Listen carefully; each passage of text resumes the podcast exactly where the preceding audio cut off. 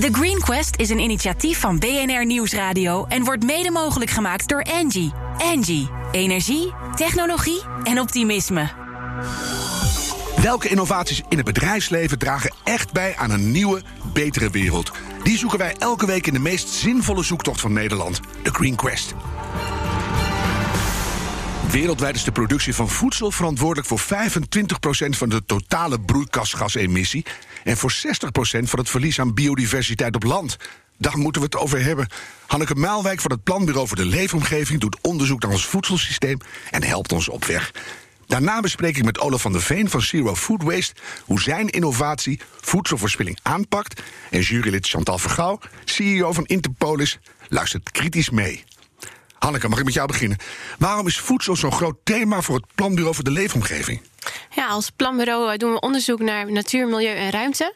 En je noemde net al, de, de effecten van voedselproductie op de leefomgeving zijn echt niet mis. Uh, ook bijvoorbeeld vijf, meer dan 50% van de stikstofemissies wereldwijd komt uit voedselproductie. Mm -hmm. Um, en uh, nou, ik werk dan voor het team voedsel. En wij kijken eigenlijk naar wat ligt er bij de Nederlander op het bord. Waar komt dat vandaan en welke effecten op de leefomgeving, op het milieu zijn er dan? Ja, kan je ze meteen allemaal even noemen? Wat, wat kleeft er allemaal wat niet zo duurzaam is aan voeding? Ja, dat zijn echt heel veel verschillende dingen. Helaas, kan je misschien bijna wel zeggen. Um, en ik, ja, je, je, voedsel, de, de, maar de grootste impact zit meestal eigenlijk in de voedselproductiefase. Uh, uh, en dan, als je voedsel wil maken, dan heb je hulpbronnen nodig: uh, bodems, water, land. Um, en die hulpbronnen kun je meer of minder duurzaam gebruiken. Als je bodems niet duurzaam gebruikt, dan put je ze uit. Dan krijg je landdegradatie. Mm -hmm. Als je water kun je ook uitputten, dan krijg je waterschaarste. Of je kunt het niet duurzaam gebruiken, dan ga je het vervuilen. Ja. En dan zijn er natuurlijk ook nog de emissies: de broeikasgasemissies, ammoniakemissies, fosfaatemissies. En die allemaal samen hebben eigenlijk dan effect op uh, zowel de biodiversiteit ja. in het water en op het land.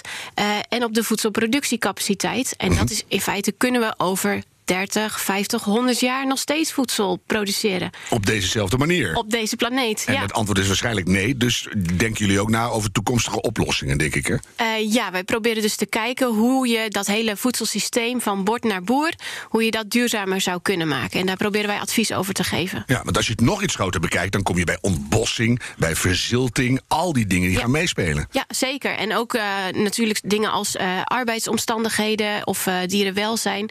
Dat hoort allemaal bij duurzaamheid. Uh, en al die dingen die gaan ook niet altijd helemaal perfect 100% samen. Hè. Bijvoorbeeld, uh, we hebben in Nederland voor de kippen um, bedacht dat ze toch wel buiten moeten kunnen lopen. Maar toen gingen de fijnstofemissies heel erg omhoog. Ja.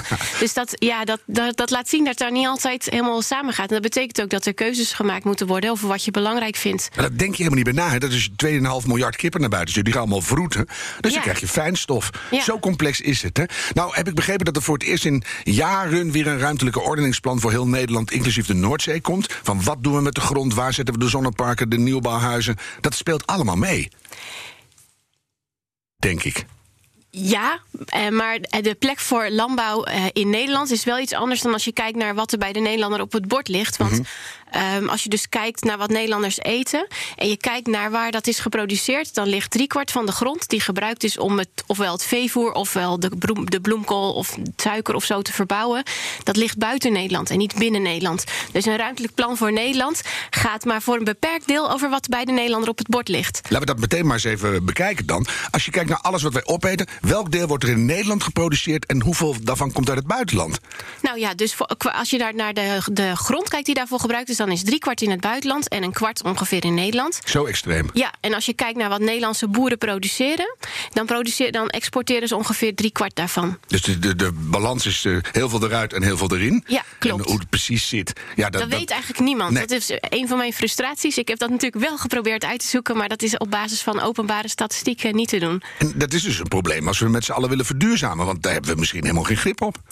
Ja, als je echt al richting verduurzaming zou willen sturen, dan is het wel belangrijk om te weten waar je zit in dat systeem. En dan uh, uh, helpt het wel als je ook gaat monitoren. En bijvoorbeeld ook bij de verschillende partijen in de keten gaat monitoren wat die precies aan het doen zijn. Stuur dat niet meer eens weg, maar eet het zelf op en haal dat niet meer eens binnen dan. Als je die balans wil herstellen, dan moet je dat soort dingen weten natuurlijk. Ja, maar ja, als je natuurlijk helemaal niet meer gaat uh, importeren, dan eet je nooit meer bananen, rijst of ananas. Of kokosmelk, waar je mee begon. Ja, oké, okay, dat vind ik nog wel lekker. Banaan heb ik echt diep gewortelde schurft aan, maar Als we op het bord kijken, hè, um, we willen die, die footprint van ons voedsel verkleinen. Welke concrete stappen kunnen we daarin zetten?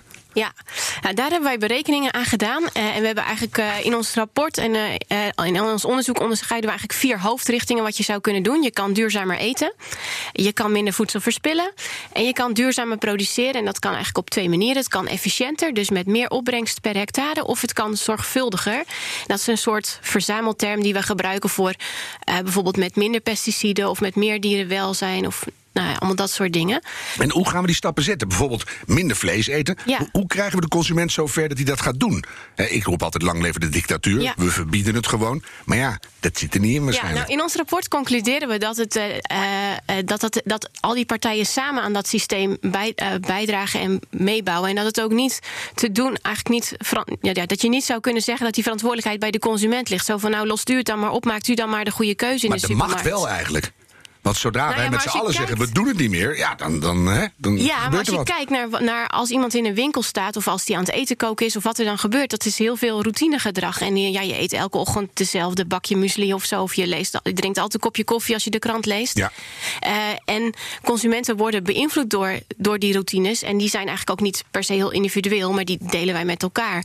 Wat je met het kerstdiner eet verschilt wel van persoon tot persoon... maar we hebben met z'n allen een idee... bij wat je hoort te eten bij een kerstdiner bijvoorbeeld heel erg wat die supermarkten via die reclameblokken Precies, allemaal inpersen. Ja, dus, dus al die partijen hebben ontzettend veel invloed op wat die consument doet. En daarom zeggen wij, is het niet reëel om te denken dat die consument dat in zijn eentje kan oplossen. Mm -hmm. Maar, maar wat, hebben wat juist die andere partijen in het voedselsysteem een verantwoordelijkheid. Dus de producenten, de, de voedselketens ja, en, en de politiek. Ze hebben eigenlijk, eigenlijk, al die partijen, dus de, de supermarkten, de, de restaurants, de voedingsmiddelenfabrikanten, de boeren, de agro-input-industrie, dus de veevoerfabrikanten en zo, die hebben, kunnen allemaal hun eigen stappen zetten. Maar ja, het risico is wel dat als al die partijen wat moeten doen, dat er dan uiteindelijk helemaal niemand meer verantwoordelijkheid is. En we kijken naar elkaar en we wijzen naar elkaar. Er gebeurt helemaal niks. Maar laten we dat hier eens anders dus gaan doen. Zeggen, dan zeggen wij ook, mhm. de overheid, die is nou juist in de positie om eigenlijk de spelregels voor dat hele systeem te bepalen. En die zou daar in de lead kunnen nemen. ga, ga het maar eens doen. Jij bent minister van uh, de toekomst. En welke stappen zouden nou de komende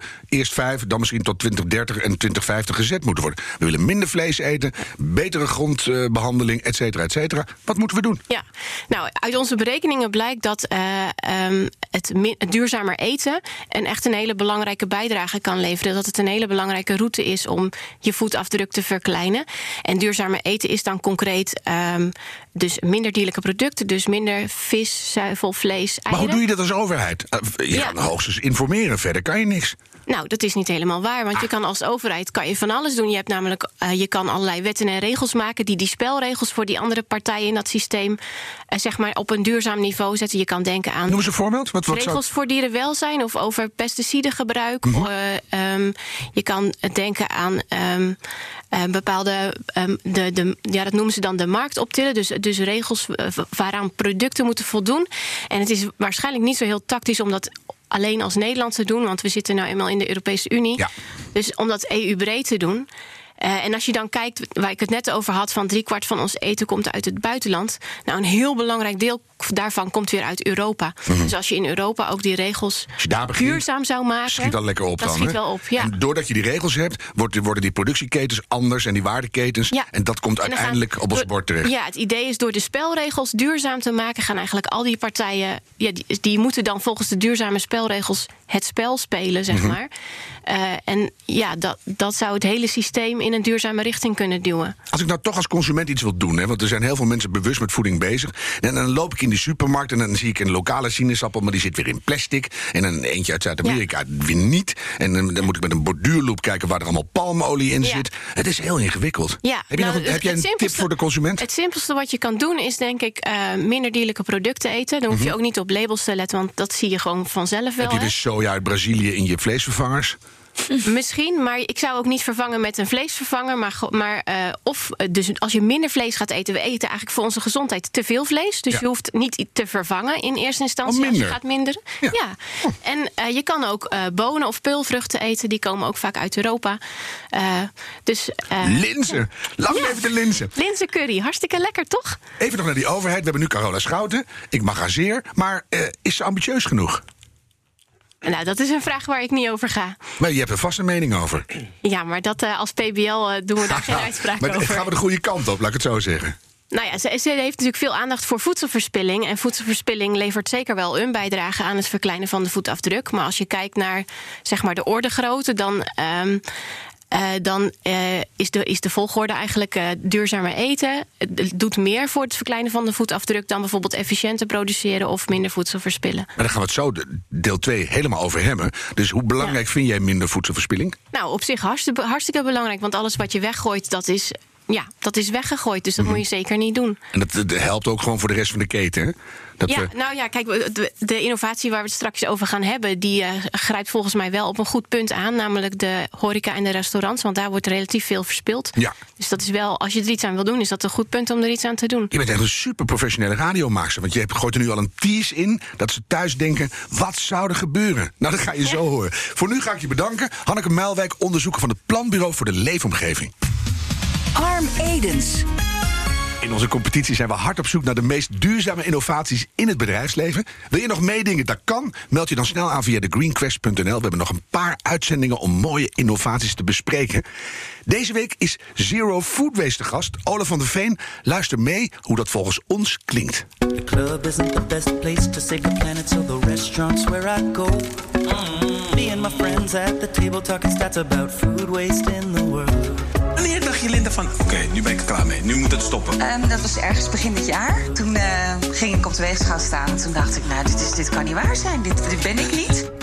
I don't love when you waste your food. We make way more than we consume. What makes me optimistic is you're already doing extraordinary work to make this the first zero food waste generation. Take a doggy bag, please. Get a grip on the food waste in your kitchen by outfitting your bin with a scale and a smart camera. It instantly detects every type of waste. Ja, dat laatste geluidje, plonk, daar ging weer iets. Olaf, kan jij jurylid Chantal Vergouw vertellen, CEO van Interpolis, wat jouw innovatie behelst en wat het met weegschalen te maken heeft? Ja, natuurlijk. Uh, uh, het het uh, terugdringen van voedselafval begint wat mij betreft en wat ons betreft bij uh, überhaupt weten waar je aan toe bent. voedselafval is vaak iets, tuurlijk gebeurt het overal, maar niet bij mij. Totdat je het gaat meten, dan blijkt het in één keer wel zo te zijn. Dus wat we doen, we zetten bij de afvalbak van een horecaonderneming zetten wij een weegschaal onder de prullenbak en we hangen er een camera boven. En die camera, daar zit de intelligentie. Want ik ben naast duurzaamheidsenthousiasteling ook tech-enthousiasteling. Um, we maken een foto van iedere keer dat je iets weggooit. En die foto die herkent volledig automatisch uh, wat voor soort voedsel er wordt weggegooid, op welk moment van de dag en met welke reden. Zo geven we jou tastbaar inzicht waar jouw structurele verliezen zitten. En geven jou dan uh, uh, bewegingsrichtingen van hoe je die kan adresseren en kan gaan terugdringen. En hoe ver gaat dat voordat Chantal mag reageren? Ja, het gaat, uh, gaat behoorlijk diep. We hebben alles bij elkaar duizend verschillende categorieën waarop we voedsel identificeren. Van een wit bolletje met uh, pompoenpitjes tot een uh, salade met geitenkaas tot een, tot een lasagne. Ja, oprecht. echt op een heel laag niveau. Eigenlijk kan, we zijn hem natuurlijk nog aan het trainen, steeds beter aan het maken. Maar in feite kan zo'n stukje kunstmatige intelligentie alles herkennen wat jij met je mensenoog ook zou kunnen herkennen. En dus krijg je inzicht, dus weet je wat je anders moet doen en uiteindelijk gooi je minder weg. Ja, exact. En ja. hoe, hoeveel minder ga je weggooien uiteindelijk? Nou, wat mij betreft kan je zeker naar 50%. Maar ik denk dat je bijna naar, naar nul kan. En uh, we hebben samen met uh, Too Good To Go gaan we binnenkort bijvoorbeeld ook optrekken... om echt, echt te gaan kijken dat we met een aantal plekken echt naar nul toe kunnen. Nou, dit is tijd voor een reactie, Chantal. Wat vind je? Ja, nou, het klinkt natuurlijk uh, goed. En uh, ik, ik, uh, ik zou wel een dagje achter die camera willen zitten. ik ben benieuwd om. hoe dat eruit ziet. maar ik, ben, ik, ben, ik heb wel een aantal vragen hierover. Mm -hmm. En één daarvan is eigenlijk dat we weten dat alles begint bij de gedragsverandering. En u, u, zei het net ook al, dat is een van de moeilijkste dingen. Dus je kunt wel inzicht hebben. we weten ook dat roken slecht is. We weten dat je mobiel gebruik in het verkeer slecht is. En toch doen mensen het. dus ik, ik denk, ja, weet je, inzicht fijn. En dan, op een gegeven moment ben je gewend aan die video. En, en uh, hoe groot is dan de kans dat iemand ook daadwerkelijk, dus de ondernemer, zijn gedrag gaat veranderen? Ja, dat heb je vast al in de praktijk meegemaakt. Hoe, hoe fundamenteel werkt het? Nou, het uh, in de basis is het wel heel erg fijn. Vaak dit zijn food professionals. Ze zijn nooit uh, dit werk gaan doen om voedsel weg te gooien. Het zijn, het zijn voedselliefhebbers, maar het is een beetje de, de, de running van de dag geworden dat je, dat je voedsel weggooit. Maar je merkt dat als je die kamer ophangt, dat dat al een soort van microbewustzijn creëert waarbij er dingen gebeuren. Maar even op een groot groter niveau, helemaal aan de andere kant van het spectrum, het kost giga veel geld. Als je eenmaal ziet, wij kunnen nu voor jou duidelijk maken dat sommige locaties gooien oprecht, en dat is niet gelogen, bijna 500 kilo iedere dag in die prullenbak. Nou, daar gaan mensen wel op bewegen, want dit is allemaal wat je onderaan de streep verloren bent. Alles wat je minder weggooit voor dezelfde hoeveelheid voedselvoorziening, is gewoon pure winst. Uh, dus het heeft zowel een. Dus gelukkig zijn er ook steeds meer bedrijven echt bezig om te verduurzamen. Maar het heeft ook echt wel een rendementsaspect. Ook altijd wel lekker dat je, ook al wil je puur voor de winst de wereld verbeteren, dat dat dan kan. Het is mij om het even. Doe je het voor de winst, doe je het voor de duurzaamheid. Maar uh, ja, doe het in ieder geval. Ja, ik heb nog een vervolgvraag, want uh, we kwam net eigenlijk ook al aan de orde. Hè. De consument die is toch met uh, de grootste uh, getallen. En ik snap dat restaurants ook een rol hebben en wellicht ziekenhuizen en de grote productiekeukens. Maar waarom niet toch beginnen in de consumentenmarkt? Want daar is toch het, de, ja, de delta het allergrootst. Zeker. Nou, de, de horecamarkt waar we nu op ingestapt zijn, is voor ons ook echt een instapmarkt. We willen juist naar die consumentenmarkt toe, maar voor een consument kan je je voorstellen dat het helemaal niet zo interessant is om precies te zien wat je weggooit. Nou, het is misschien wel interessant, maar goed, het is op dat moment al weg. Het verschil tussen een consumentenkeuken en een horecakeuken is dat het een proces is wat we in kaart brengen. En een proces helpt jou, als je dat structureel in kaart hebt, om dat te verbeteren. Als consument, als ik, als ik weet dat jij vandaag uh, een kilo uh, macaroni-elleboogjes weggooit, dan gaat dat niks vertellen over wat jij volgende week anders moet doen. Dit algoritme gaat op een dag dat wij goed uh, voedsel kunnen gaan herkennen, een, een, consument op een hele andere manier helpen. Namelijk om ervoor te zorgen dat hij zijn restjes kan gebruiken voordat ze in de prullenbak gaan, bijvoorbeeld. Of om beter zijn voorraad te houden. Ik heb er allerlei ideeën over. Ja, wou ik zeggen, want dan, dan heb je een mini-cameraatje bij de afvalbak van de consument, als die dat wil. En die, die wil dan bijna die, die, die halve macaroni-schotel wegsodemieteren. En dan hoor je de camera zeggen: stop. Ja. Hier kunt u morgen heerlijke bla bla bla van maken. Nou, ik, Zoiets. Ja, dat, ik denk niet dat dat precies het punt is, want Oh. dan is het vaak net te laat. Maar we hebben allemaal een perfect cameraatje in onze binnenzak zitten, toch? Dat is die, onze mobiel. Dus Ja. we hebben, iedereen heeft een tele En als jij nou voor mij met mijn algoritme zo meteen een foto kan maken van een halve courgette en een bakje gehakt. En ik vertel je wat je ermee kan maken, zodat je het niet hoeft weg te gooien. Dan ben je geholpen als consument, dan ga je je gedrag veranderen. Ja, mooi. Ja, je zou het eigenlijk moeten integreren in de domotica van, dus laten we zeggen, energiebesparing, voedselbesparing. Hè. Dus het zou eigenlijk een onderdeel moeten zijn van, laten we zeggen, de domotica in de woning. Ja, en ook gewoon dat het, dat het fun is. Wat zei je, Hanneke? In je koelkast dus. Ja, Ja, precies. ja. En dat het ook gewoon dus fun is dat je denkt: hé, hey, ik kan hier nog iets mee. Ja, en, ook daarvoor moet je wel een algoritme hebben wat zodanig goed voedsel herkent dat dat, eh, dat, dat ook echt altijd juist is. En Ja. dat doet hij nu nog niet. Dus dat zijn we in, eh, in die horeca aan het trainen, zodat we dat ooit in de consumentenmarkt hopelijk ook kunnen gaan toepassen. Ja, als je nu kijkt, hè, want je hebt al een tijdje een aantal restaurants gemonitord.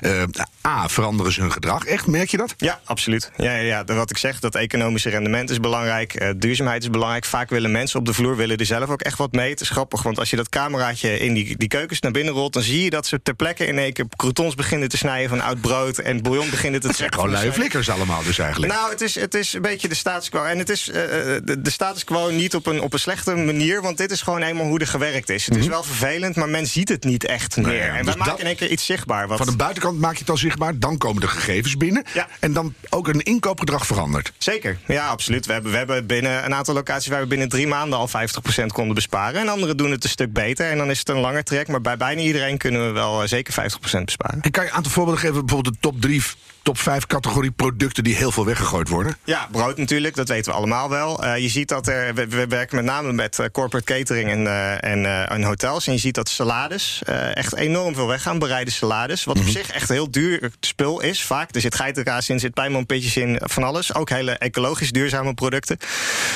Je ziet dat bereide maaltijden, lasagnes en zo van buffetten verdwijnen heel veel. Soepen verdwijnen heel veel. Dat is relatief iets minder impactvol product. En broodbeleg. Oh ja. Enorm veel broodbeleg. Al die hamplakjes, die gaan dan nog glimmen. Ah, Het kan weer weg. Ja, ja, en welke absoluut. dingen kan je bijvoorbeeld aantonen die je wel weggegooid worden, waar je eigenlijk helemaal niks aan kan veranderen? Snijafval. Het is, Oh ja. Snijafval is een noodzakelijkheid van een proces. En eh, als jij minder voedsel gaat verspillen van de bruikbare producten, krijg je uiteindelijk ook iets minder snijafval. En snijafval is best wel iets subjectief. De ene snijdt een halve komkommer weg en zegt: joh, dit is afval. De ander die, die, die doet nog geen centimeter. Nee, ik eet dat altijd zelf weer op nog. Nou ja, snijafval. exact. Maar dat, Dus dat, dat doen de koks in een proceskeuken vaak Daarom zie niet. ik er ook zo woest gezond uit, Ja, denk ik. Maar. nou, hoe lang ben je bezig nu met je weegschalenproject? Eh, bij, twee jaar geleden heb ik het verzonnen. En, Dus en hoeveel restaurants eh, zijn nu al aangehaakt? we hebben er nu nu 40. Daar hebben we onze pilot ook stopgezet. We hebben net ons uh, nieuwe product gelanceerd. En daarmee gaan we dit jaar naar 3 tot 500 locaties. En dan heb je zo'n weegzaal geïnstalleerd en een camera erop. Hoe lang moet zo'n, bijvoorbeeld een restaurant, nou monitoren... voordat ze de hele boel onder controle hebben? Dat ze zeggen, nou, bedankt, ik heb hem niet meer nodig. Nou, we horen van veel van onze klanten terug dat ze het eigenlijk continu willen gaan gebruiken. Dit wordt echt een KPI zoals je dat uh, op je inkoop, op je gastenaantallen, op je verkoop en op je afvalcijfers hebben. Zodat je continu strak kan staan. In andere locaties zullen dat minder geneigd toe zijn. Vaak zie je dat je binnen een paar weken beginnen de eerste besparingen gewoon puur op de intrinsieke waarde van het feit dat dat ding aanwezig is. Uh, na een maand of zes heb je, wat mij betreft, echt significante besparingen gedaan. Maar je kan nog een stuk verder en dan moet je hem gewoon, uh, gewoon laten staan. Dus wij sluiten nu met onze uh, klanten jaarcontracten af. Mm -hmm. Maar we hebben bij een aantal klanten gaan we zelfs al naar meerjarencontracten, nu al. Ja. En merk je dat die hele keten mee gaat doen? Want je kan ook zeggen, ik bied geen kant-en-klare salades meer aan, maar dat mag je er zelf even opgooien. Dus dan kan ik met die ruwe salade nog veel langer doorwerken, bijvoorbeeld. Je ziet wel echt dat de dingen veranderen, ja. Dat er minder, dingen minder voorbereid worden. Maar een ander heel tastbaar voorbeeld was een hotel die uh, alleen in het weekend een, een, een, buffet aanbood.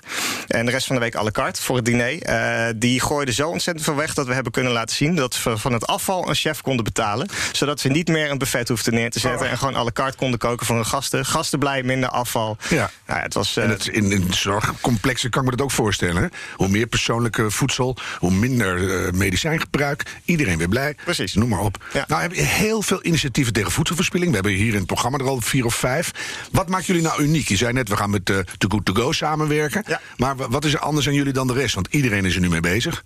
Nou, iedereen is er op een verschillende trap mee bezig. En het begint dus allemaal bij het meten ervan. En dan pas kan je echt gaan acteren. Bij Too Good To Go is een goed voorbeeld, want die doen echt waanzinnig werk al. Maar die hebben wel soms het probleem dat ze niet precies weten hoeveel er is. Dus ze kunnen nog niet goed adviseren hoeveel boxen kan je nou aan het eind van de dag uh, weg gaan geven. En wij kunnen veel beter voor ze samen inzichtelijk maken. Hoeveel kan je er nou, uh, nou precies weg gaan zetten, ja. zodat je hem zoveel mogelijk drukt. Ja, mooi. Dus we, we, zitten een beetje samen met hun in de hoogste trap. Echt het voorkomen dat het überhaupt die, uh, die keuken inkomt. Mm -hmm. En daarna pas het nou, herbestemmen en verder. Mooi. Chantal, heb je nog een laatste vraag? Ja, ik heb nog wel één vraag. In hoeverre zijn afdelingen zoals inkoop, uh, procurement... want die, dat zijn eigenlijk degenen die het allemaal aanschaffen. Want anders heb je zo meteen...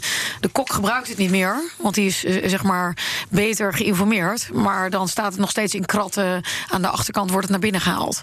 Hoe, hoe zorgen jullie dat die hele keten zeg maar meedoet? Nou, gelukkig uh, is, is dat vaak niet zo moeilijk. Want dit soort cijfers... we worden of door de inkoop of door de duurzaamheidsafdeling vaak ingekocht... En dat zijn de mensen die gewoon puur met efficiëntie bezig zijn de hele dag. Dus dat gaat niet zomaar gebeuren. Mooi. Ik ga je heel veel succes wensen. Dat iedereen maar mogen wegen en monitoren. Dankjewel Ole van der Veen van Zero Food Waste. Chantal Vergouwen, CEO van Interpolis. En uh, ons jurylid natuurlijk. En Hanneke Muilwijk, onderzoeker van het Planbureau voor de Leefomgeving. Heeft jouw bedrijf een minstens zo belangrijke innovatie? Meld je dan gewoon even aan op thegreenquest.nl. En doe dat snel, want we hebben nog een paar felbegeerde plekjes in onze Green Gallery.